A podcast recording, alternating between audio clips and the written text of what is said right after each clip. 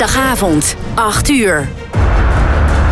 Tijd voor de langste, meest complete en eerlijkste Formule 1-podcast van Nederland.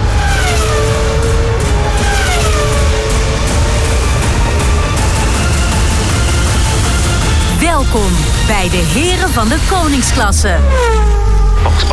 Met een goed glas wijn in de hand blikken de heren terug op de afgelopen races, praten ze over de laatste Formule 1 geruchten en filosoferen ze over de toekomst van de Formule 1. De heren zijn fans tot op het bot. Of het nu gaat om de impact van teamschommelingen, de nieuwste technologieën of de race voor de overwinning. De heren bespreken het allemaal. Dit zijn de heren van de koningsklasse.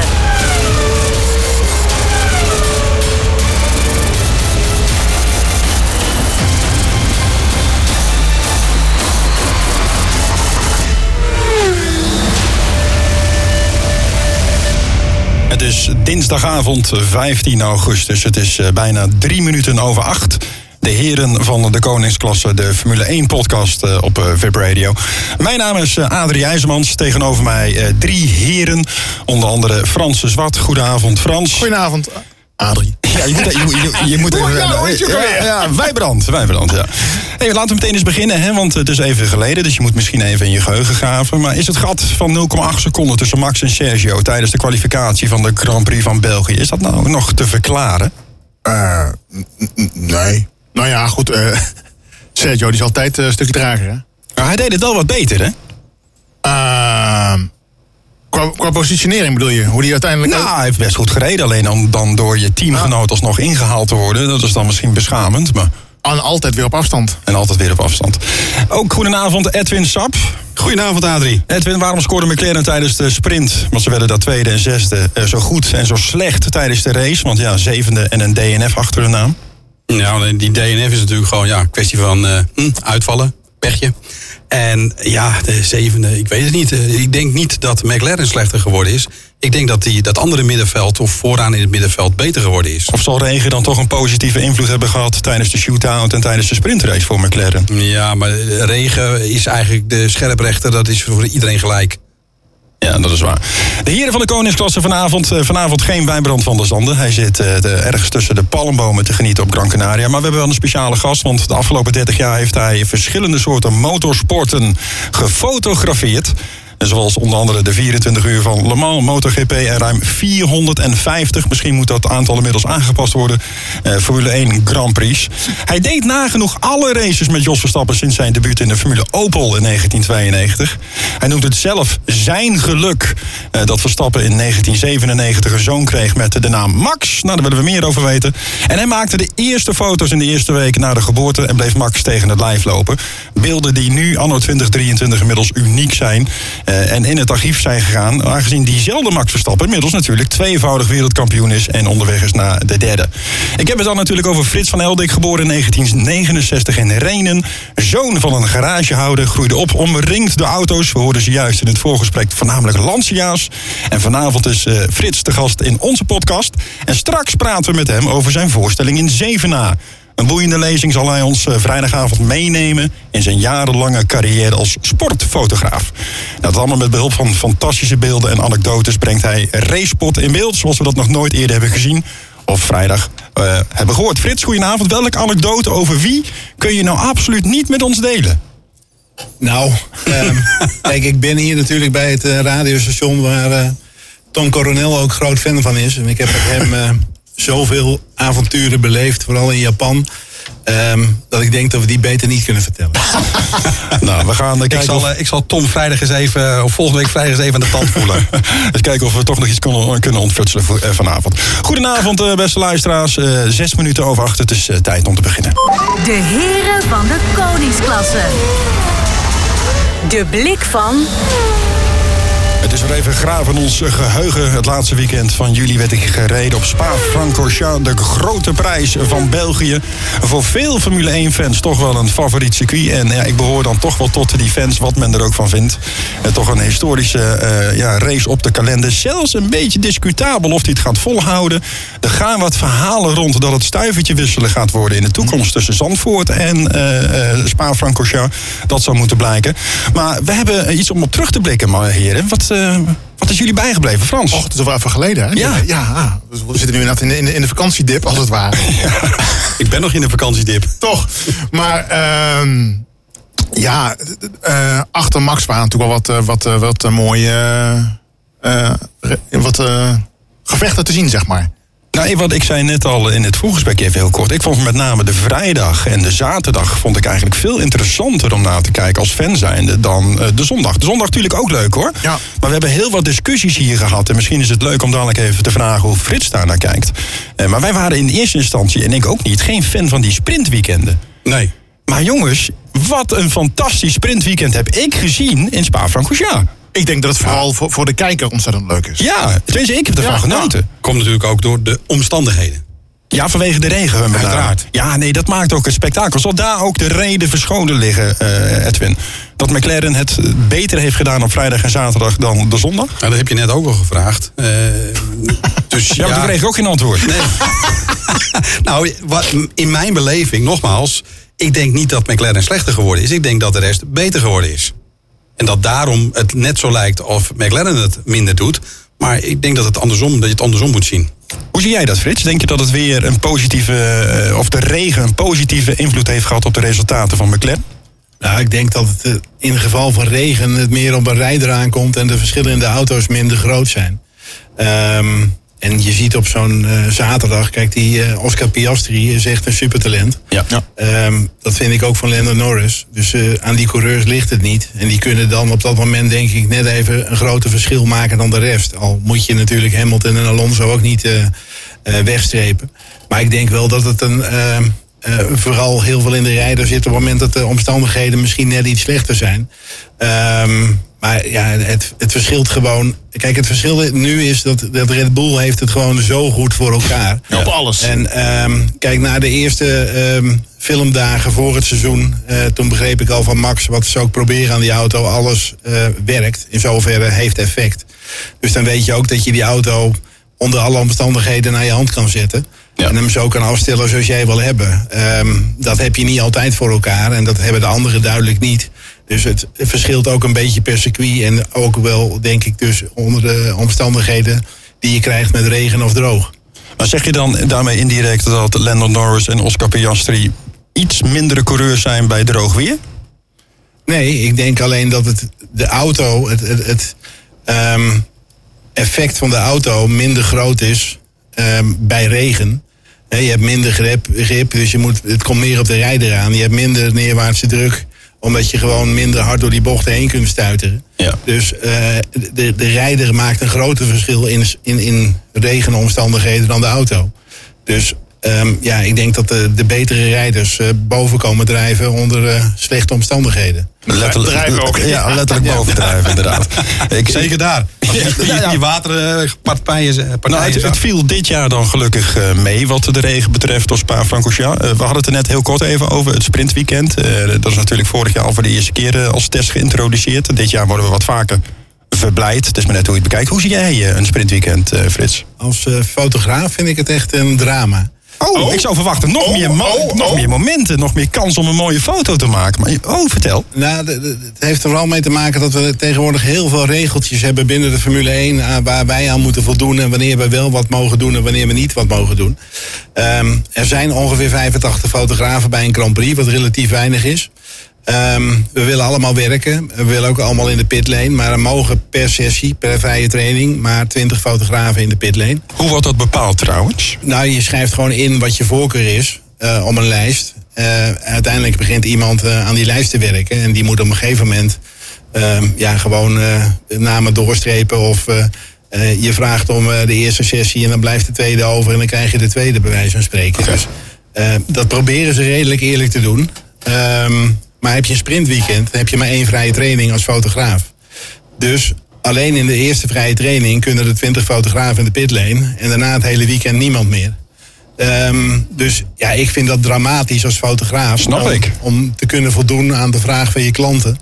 Ehm, en zoals in België had ik een idee. Aanvankelijk zou ik helemaal niet naar die Grand Prix toe gaan. Ehm, vervolgens hoor ik dat het gaat regenen en denk ik van nou, dan vind ik het wel leuk worden. ik, bedoel, ik zei eh, toen ook al, eh, spa en regen is als peper en zout. Of misschien beter als gin en tonic. Ja. Dat is, eh, De ideale combinatie. Ehm, Als het niet te veel is, tenminste. maar dan heb ik een idee dat ik een foto wil maken aan het begin van de pitlane, waar die auto's naar binnen rijden met die spray erachter en dan de, de, de bossen in de achtergrond. Alleen er kunnen maar 20 fotografen maximaal die pitlane in. Dus je moet eerst zorgen dat je dat hesje hebt om die foto überhaupt te kunnen gaan maken. En dat is een soort schaakspel waar je aan begint. Dat je denkt, oké, hoe kan ik nu de poppetjes zo beïnvloeden dat ik eigenlijk zeker weet dat ik wel dat hesje heb, deze Grand Prix. Maar dat houdt dus ook in dat een heel groot deel van een, mijn collega's, en je kent elkaar allemaal goed, eh, gewoon dat hele weekend geen enkele kans hebben om iets in de pitlane te doen. Dus ik vind het echt, eh, ehm, vanuit mijn oogpunt, als ik er ben, een drama. Als ik er niet ben en kijk televisie, vind ik het best leuk om een eh, sprintrace mee te pakken. Maar dan heb ik eh, misschien nog meer slecht nieuws voor jou, Frits. ja. Ik hoorde jou zeggen, hè, dan sta ik daar in die pitlane en dan eh, met de regen en eh, het opspattende water. Het verhaal gaat dat de auto's geïntroduceerd wellicht gaan worden met spatborden. Weg. nou ja, ik ben benieuwd hoe ze dat gaan doen. Het eerste wat ze gecreëerd hebben, ziet er niet uit, maar ik denk ook niet dat het ooit zal werken. Ik bedoel, kijk eh, naar eh, wat voor een auto je ook een circuit opstuurt. Ehm, volgens mij klaagde Max Verstappen zelfs over de hoeveelheid water die vanaf de safety car kwam. Ja. En daar zitten toch behoorlijke spatborden op. Nou. Dus ehm, ik denk niet dat eh, dat heel veel zin heeft om ehm, daarop door te beduren. Neem groep C, of groep C, WEC, Endurance, heb je hetzelfde. Ik heb fantastische foto's gemaakt in de regen op Le Mans, maar de spray is echt niet minder dan bij een Formule 1 auto. Dus, Nee, kijk, eh, dat ze het eh, overwegen in het kader van veiligheid vind ik prima. Maar ik vergeet ook nooit meer de beelden van Kimi Räikkönen... die ook in een soort van spray terecht kwam. En iedereen zei nog eh, online ook van... nou oké, nu zal hij wel gas loslaten. Gewoon geen gas loslaten en gewoon gaan. Hè. Dus ik denk dat hij daar ooit de naam de IJsman heeft gekregen. Ja.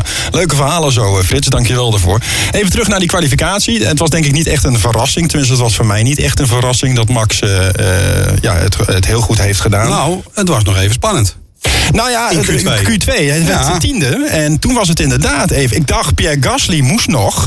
En dat is vaak wel even eh, ja, het duveltje uit het doosje. Maar dat was hij deze keer gelukkig voor Max niet. En wat was Max boos? Ja, ja, oké. Op eh, GP, ja. Nou ja, of hij op GP boos was, dat weet ik niet. En dat kon ik niet goed beoordelen. Maar hij was gewoon heel boos. Hij was gefrustreerd. Ja, maar hij heeft dat gewoon in Q3 weer rechtgezet. Nou, En hij kreeg de kans gelukkig. ja, en hoe rechtgezet? Ja, zeker. En hoe, jongens? Bizar. Was niet een... eh, 0,8 hè? seconden. 0,8, ja. 0,8 seconden. In de aller, aller, allerlaatste ronde. Niemand zag het aankomen. Eigenlijk leek het er ook niet op. Want de eerste twee sectoren... die waren niet eh, ja, significant sneller... dan iedereen die op dat moment pole position had. Charles Leclerc deed het goed. eh eh, Sainz, Sergio- Perez. Maar in de laatste sector... en dat bleek ook wel eigenlijk in de, de, ja, de vorige gedeeltes van de kwalificatie... wist Max er iets uit te persen. Ja, ongelooflijk. Ja, ja, dat was waanzinnig. Dat- ja, dat is waanzinnig. Dat, dat is Max, zou je kunnen zeggen. Ehm, maar misschien heeft ook bijgedragen dat hij eh, wellicht een beetje boos was. En dat hij dan toch nog even een trapje harder zet. Je krijgt een schouderklop eh, Ja. voor de mensen die geen niet kijken, maar wel luisteren. Eh, je kreeg een schouderklop van Frits. Waarom eh, gaf je hem een schouderklop? Nou, omdat ik zeker weet, kijk, Max is een exceptioneel talent. Ehm, en die is heel simpel opgevoed door zijn vader. Want Ja. Die heeft heel veel tijd en energie in die jongen gestopt. Ehm maar wel onder de voorwaarde, ik stop er heel veel in en ik verwacht van jou wel maximale inzet, anders gaan we wel voetballen. Ehm, dus ik heb ook eh, wel een paar keer meegemaakt dat eh, eh, papa riep van kom we gaan inpakken. Ja, hoezo? Ja, je, je rijdt niet snel genoeg, dus dan, ja, als jij het niet serieus neemt, gaan we wel naar huis. Ehm, maar dat zit er bij Max heel erg in. Dus hij haalt het maximale uit zichzelf. Verwacht ook van zijn team dat iedereen het maximale doet. Alleen als je hem tart en als hij gefrustreerd zes boos is, nou, dan, dan, dan vindt hij nog twee, drie dat- dat- 18 in dit ik- geval, hè? ik vind het echt heerlijk gewoon als ik al weet van nou hij is nu, hij is echt gewoon pissed off. ja, dan kun je gewoon pak de stofwoords maar, maar dan gaat het gebeuren. En eh, ja, dat is genieten. Maar ja, die Waar jongen... haalt hij dat dan elke keer vandaan, Frits? Nee, ja, die, die jongen is, is buiten categorie van alles. Ik bedoel, kijk, het probleem is, ehm, ik heb heel veel van die, die karttrainingen en races meegemaakt. En Jos had maar het enige, ik wil geen publiciteit. En ehm, ik wil niet dat Max zich meer gaat voelen dan de ander. Dus ik wil niet dat er aandacht aan wordt besteed. Dus ik heb wel foto's gemaakt, maar veel te weinig achteraf. Want ik, ik dacht ook van, ik maak wel wat plaatjes, maar niet te veel erbovenop zitten.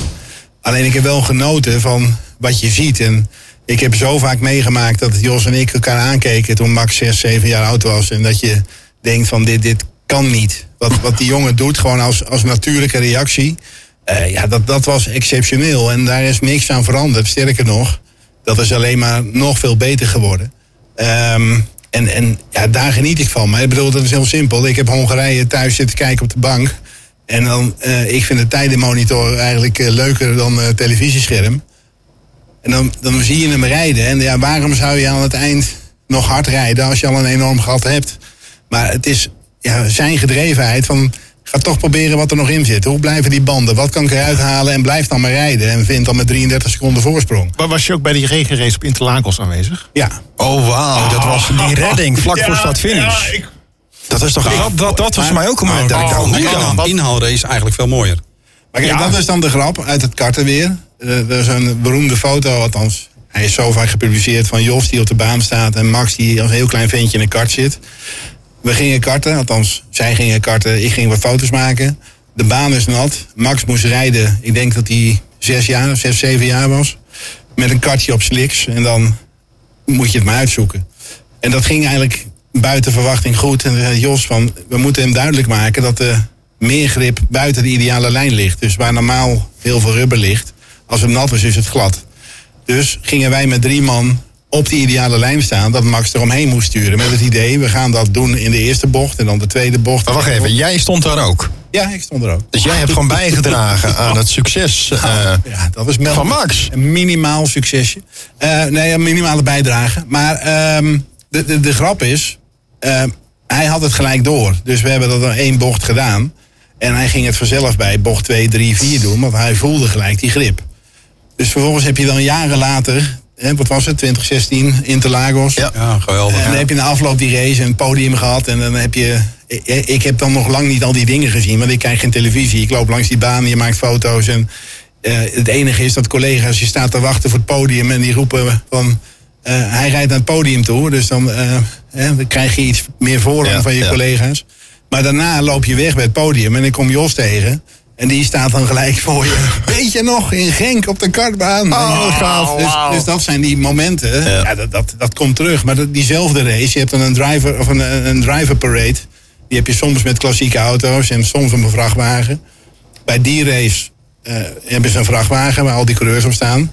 Iedereen gaat dan schuilen onder parapluutjes. Alleen Nico Hulkenberg en Max die hingen voor op die vrachtwagen. Om te kijken waar het water stroomde in bocht 1, 2 en 3. Ik Serieus? zie dat. Dus ik liep voor die race van de Jos toe. Ik zei, nou, ja, hij is wel weer bezig met zijn werk. Wauw. de rest staat te ouwe hoeren met elkaar onder een parapluutje. Weet hij al van, nou, daar stroomt water, daar stroomt water. En, Watermanagement. Dat is het. maar ik bedoel, als je bedenkt hoe oud hij toen was, hè, ga even terug in de tijd. En dan kan iedereen hem op dat moment nog steeds te jong vinden voor Formule 1. Alleen ik denk dat je dan toch een stuk meer volwassener bent dan de rest eh, van het zootje waarachter op die vrachtwagen staat. Ja, ik- eh, we kunnen gaan discussiëren inderdaad of dat te jong was of niet. Maar we zien wel een hele andere Max tegenwoordig dan een aantal jaren geleden. Eh, aan de ene kant zeg ik gelukkig. Edwin? Ja, ik, ik vind het verhaal eigenlijk wat jij net vertelde over die kartbaan van vroeger enzovoort enzovoort wel heel leuk. Ik heb namelijk voor Vaderdag dit boek gehad, Max Totaal.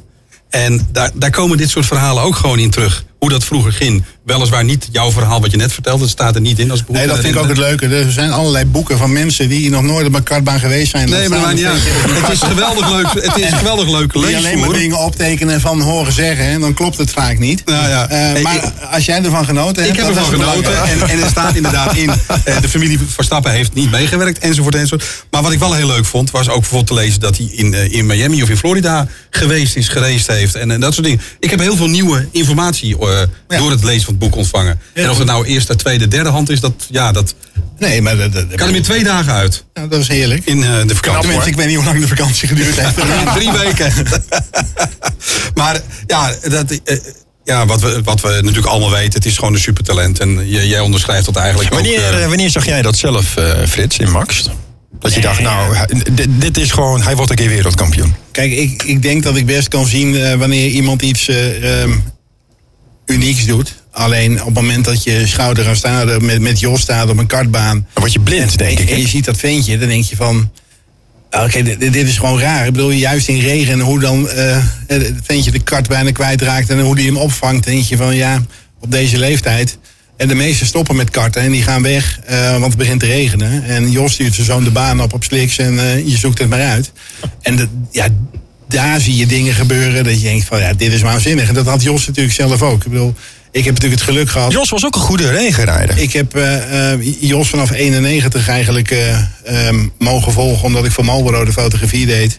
En toen er sprake van was dat Jos ehm, mogelijk Marlboro-coureur zou worden in de Formule Opel, ben ik nog een paar kartraces gaan bezoeken waar hij aan deelnam.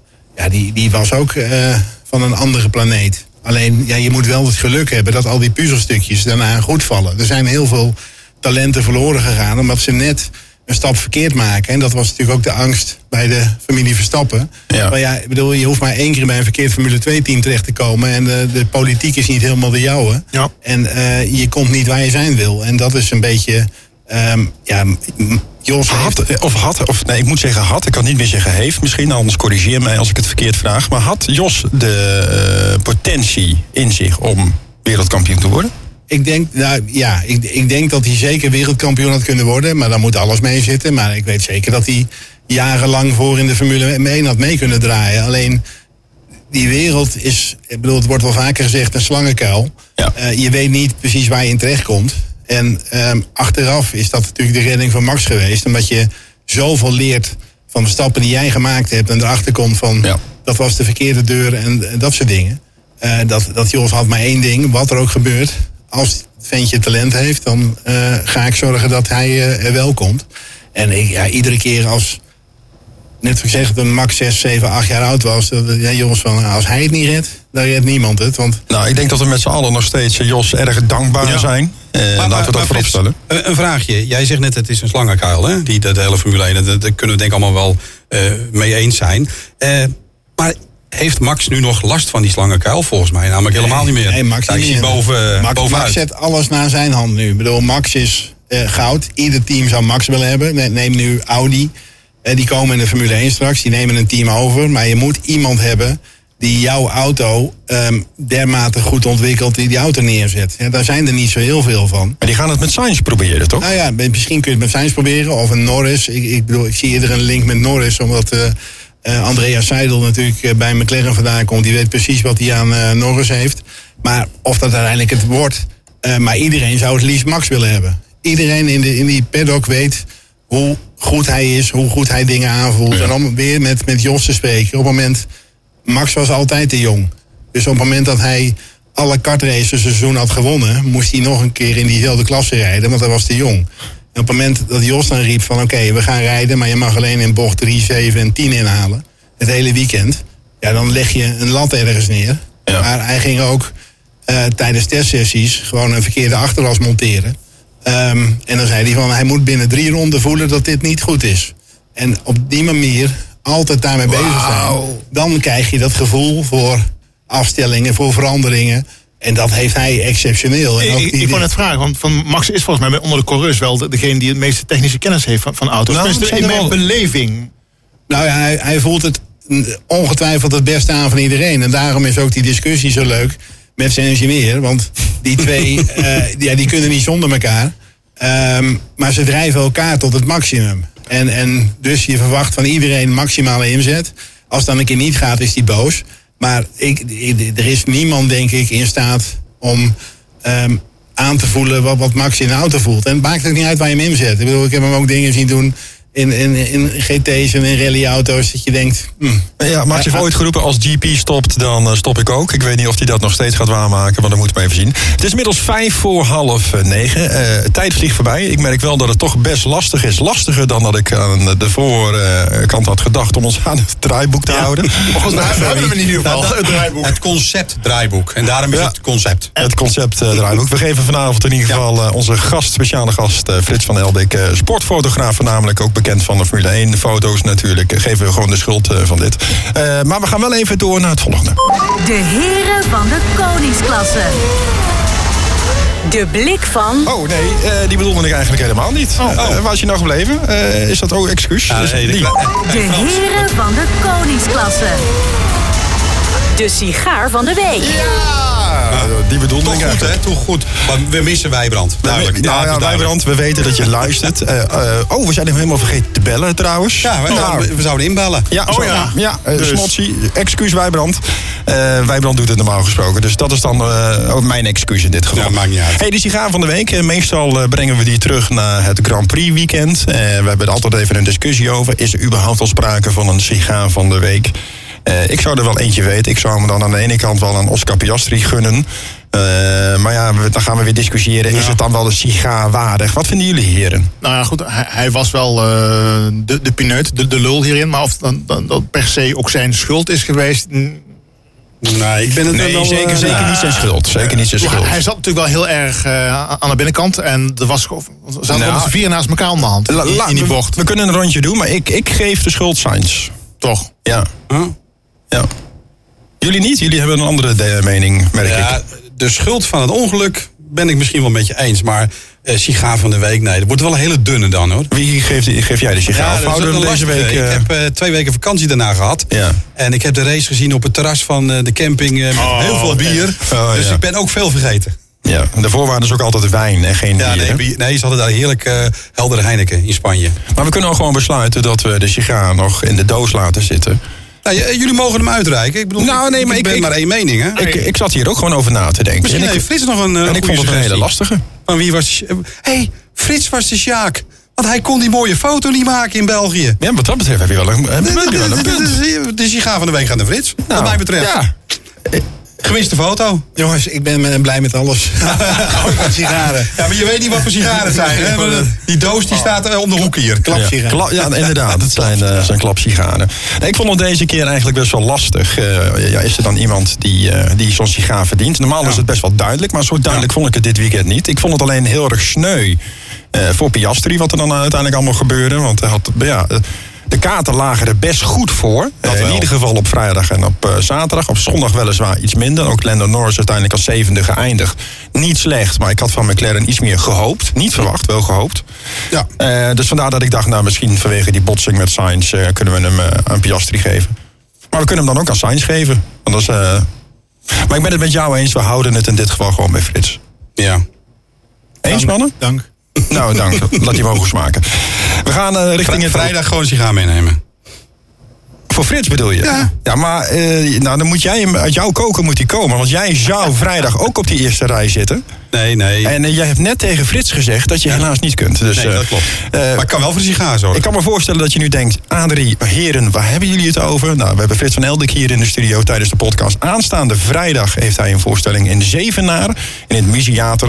Daar gaan we zo meteen eh, wat dieper op in. En dat is eigenlijk bijna wel logisch... want ja, we gooien er een eh, kwartje in... en we krijgen er voor 100 euro krijgen we eruit. Dus ik, ik kijk nu al uit naar vrijdag. En om dat allemaal te kunnen bekostigen... moeten we heel even ertussenuit voor de commercials. Samen zijn ze goed voor tientallen jaren Formule 1-kennis. Dit zijn de heren van de koningsklasse. Nog meer heren van de koningsklasse vind je op herenvandekoningsklasse.nl. Wel met dubbel E uiteraard. En als je daar dan toch naartoe gaat, maak dan meteen even gebruik van de gelegenheid om een onderwerpvraag of stelling in onze hoge hoed te gooien. Want we hebben net een blik eh, geworpen en we kunnen de zwarte voering zien.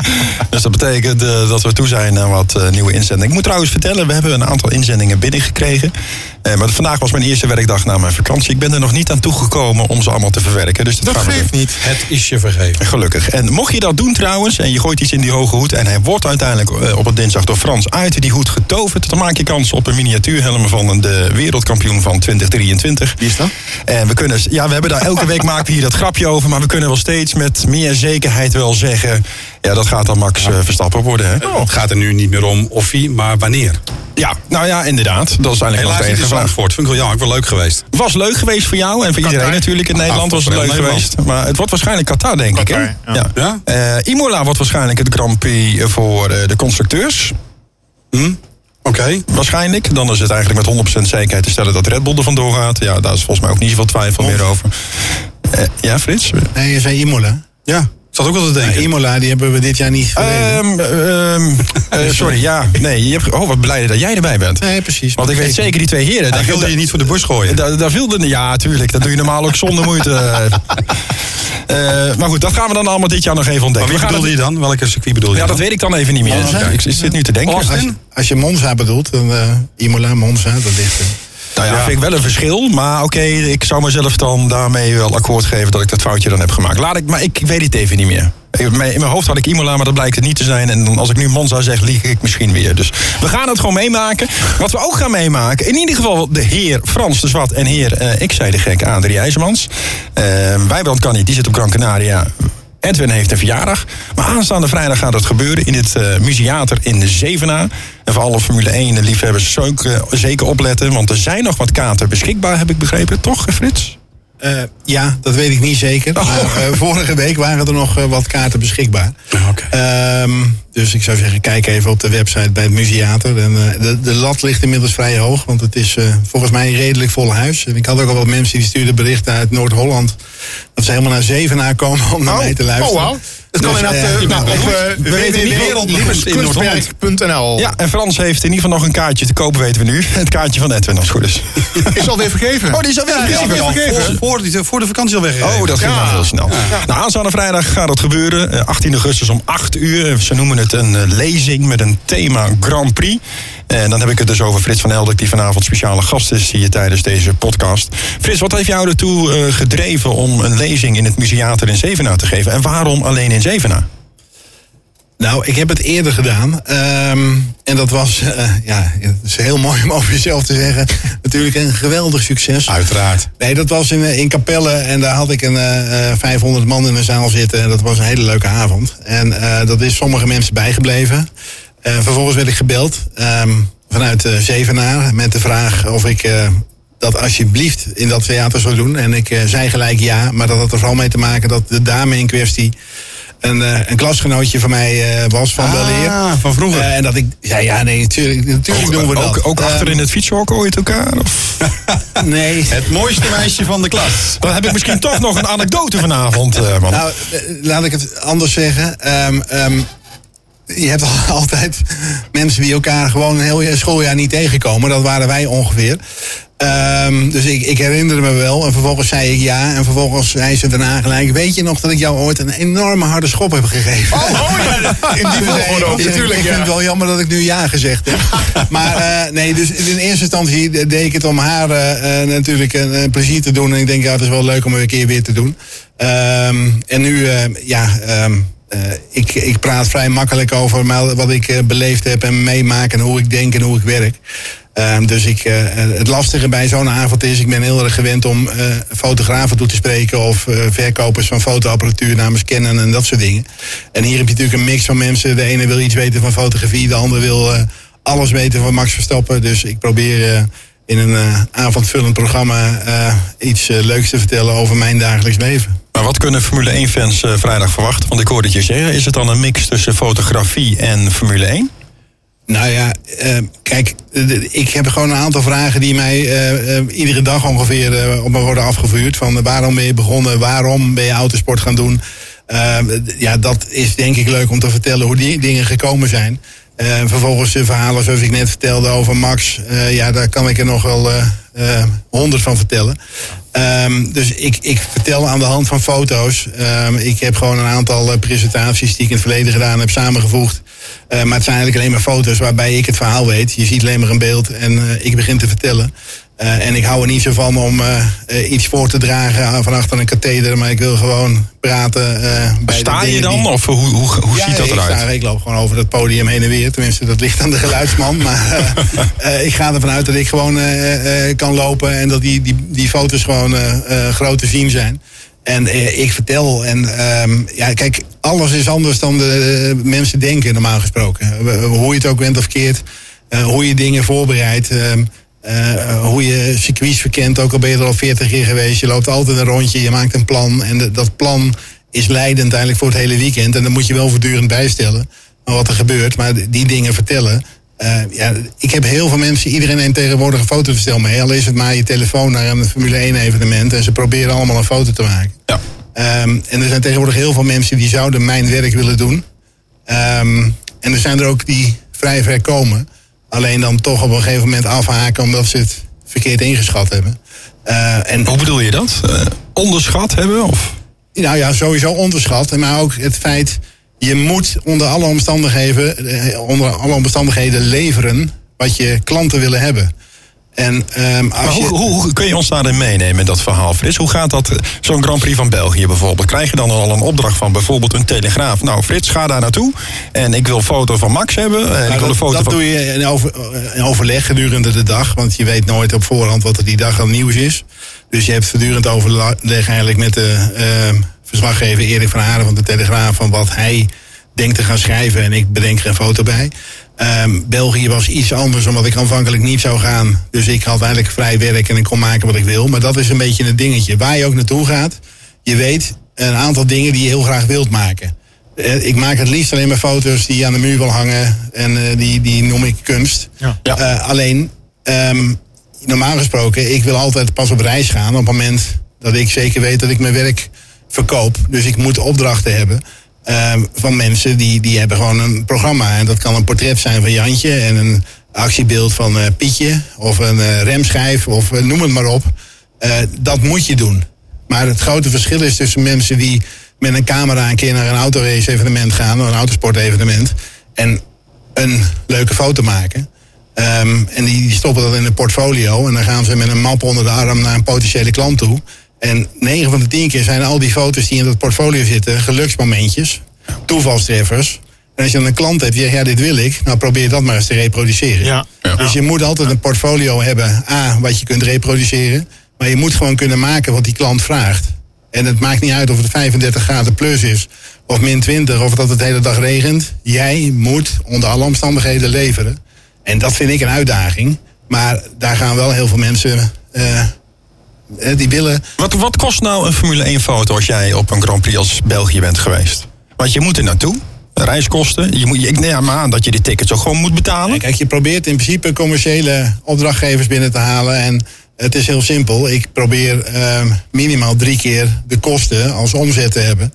Eh, dus als je weet, ik ga naar Las Vegas en ik eh, ben 3.500 euro kwijt om er te zijn, dan zul je toch ongeveer 10.000 Even, even euro omzet ga je naar Las Vegas? En nog niet, omdat het Oh. gewoon nog niet rendabel is.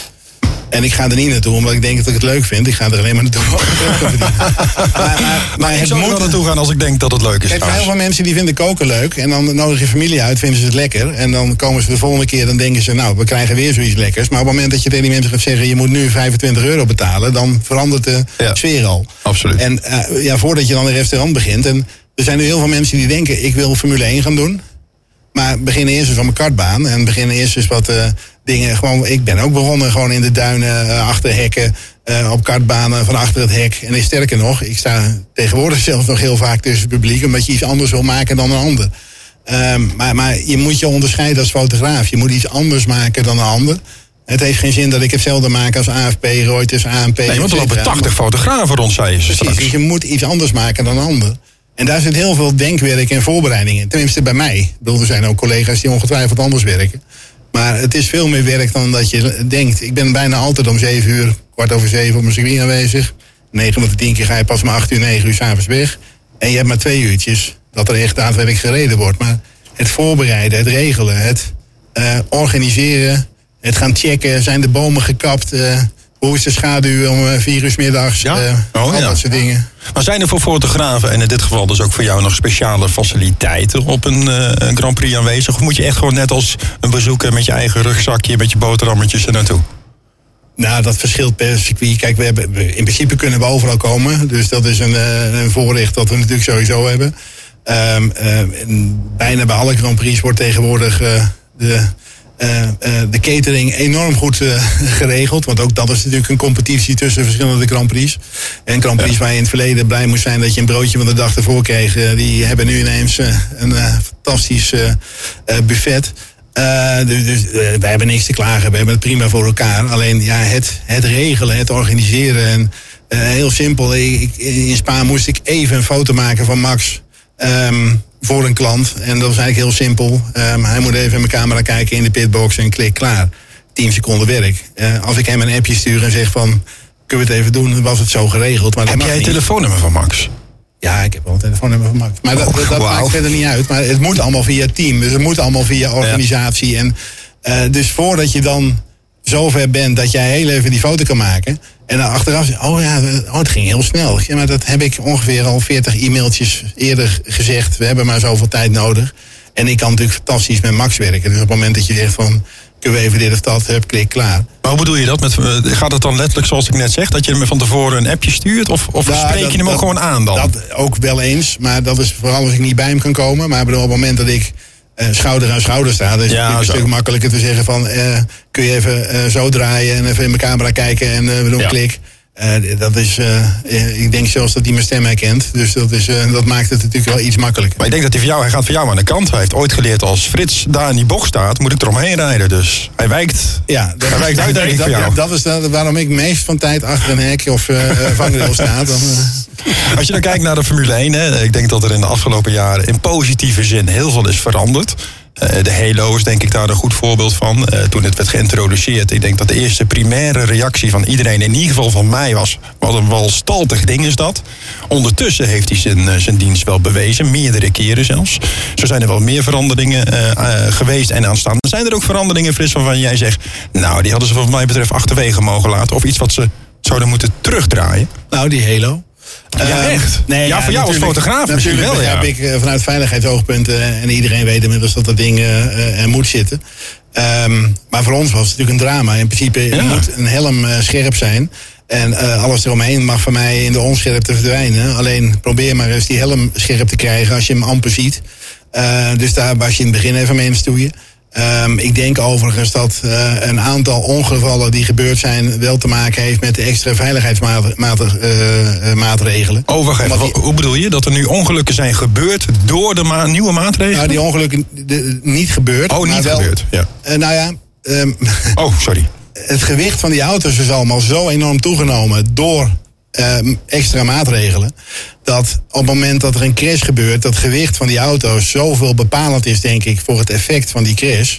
Dat dat enorm meeweegt in het eindresultaat van zo'n crash. Ja. Dus we kunnen wel allemaal dramatisch doen over een circuit als Spa. Hoe gevaarlijk het is en dat het aangepast moet worden. Maar ik denk dat er veel meer factoren zijn ehm, die, die meespelen. En iedere crash ehm, die, die vervelend afloopt, is er één te veel.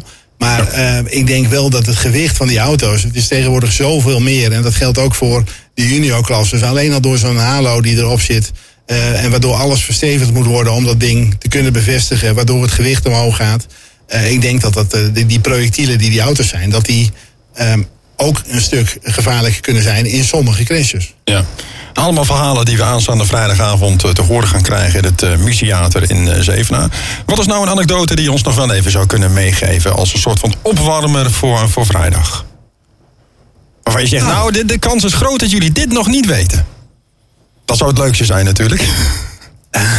Een uurtje. Ah, daar komt. Even, uh, nee, ja, er zijn zoveel dingen. Het, is gewoon grappig. De, de wereld uh, waarin ik me begeef, uh, die zit gewoon eigenlijk heel vaak anders in elkaar dan de mensen aan de buitenkant zien. En ook het, speuren naar nieuws, et cetera, is, ja, vind ik heerlijk. Ik heb een tijdje mijn eigen magazine gehad, Race Report.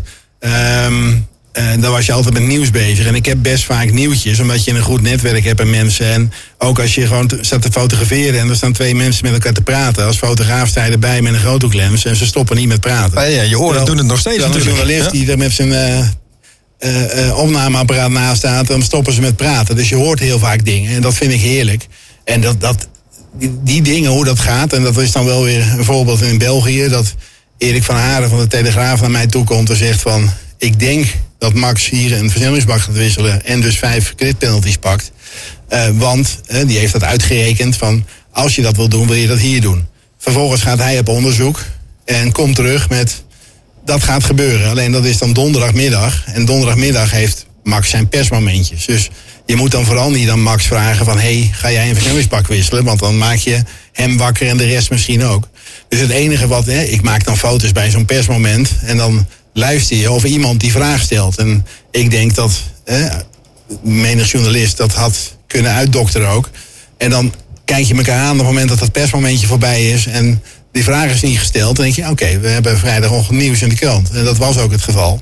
Uh, want, want hij bracht als eerste het nieuws van Max uh, uh, heeft die. Wat niet heel spannend is. Maar het is gewoon leuk hoe dat soort dingen lopen.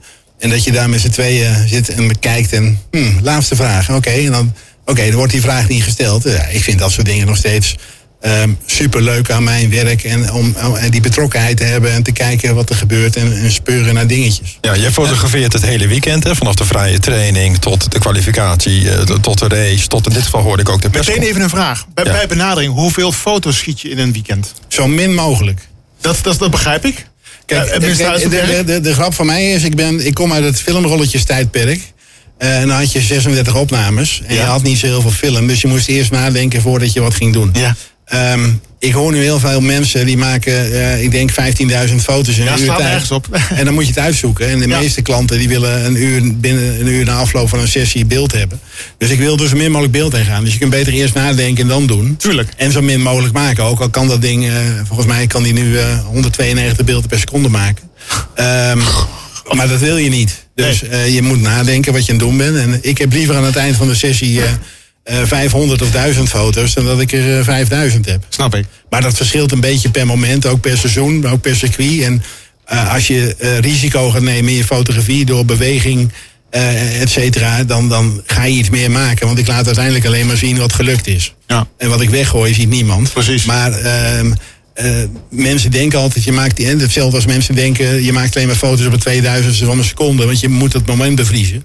Maar dan kun je Pirelli en het serienummer op de band lezen. Maar wat be bewaar je dan nog? Wat dus eigenlijk dus uh, als niet geschikt, be bewaar je er nog veel van? Of gaat ook het meeste van weg? Nee, je, je bewaart alleen wat um, um, uh, scherp is en bruikbaar is. Okay. De, de, grap is, als ik nu terugkijk in het archief... en je pakt beeld van uh, 20 jaar geleden...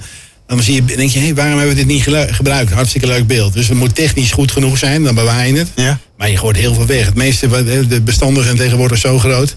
Dus uh, hoe meer je uh, direct naar die sessie weg kan gooien, hoe fijner het voor je ja, harde schijf is. Dat, uh... Ja, interessant. Ik heb ook nog wel even een vraagje, Frits. jij geeft net aan, hè, je, bent, je hebt aan de wieg van, Mix van Max Verstappen gestaan, letterlijk.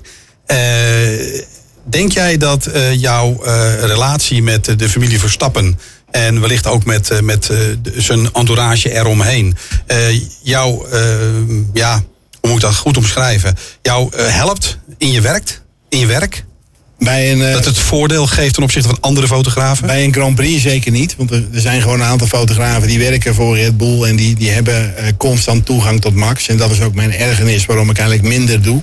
Omdat die, die competitie is niet eerlijk.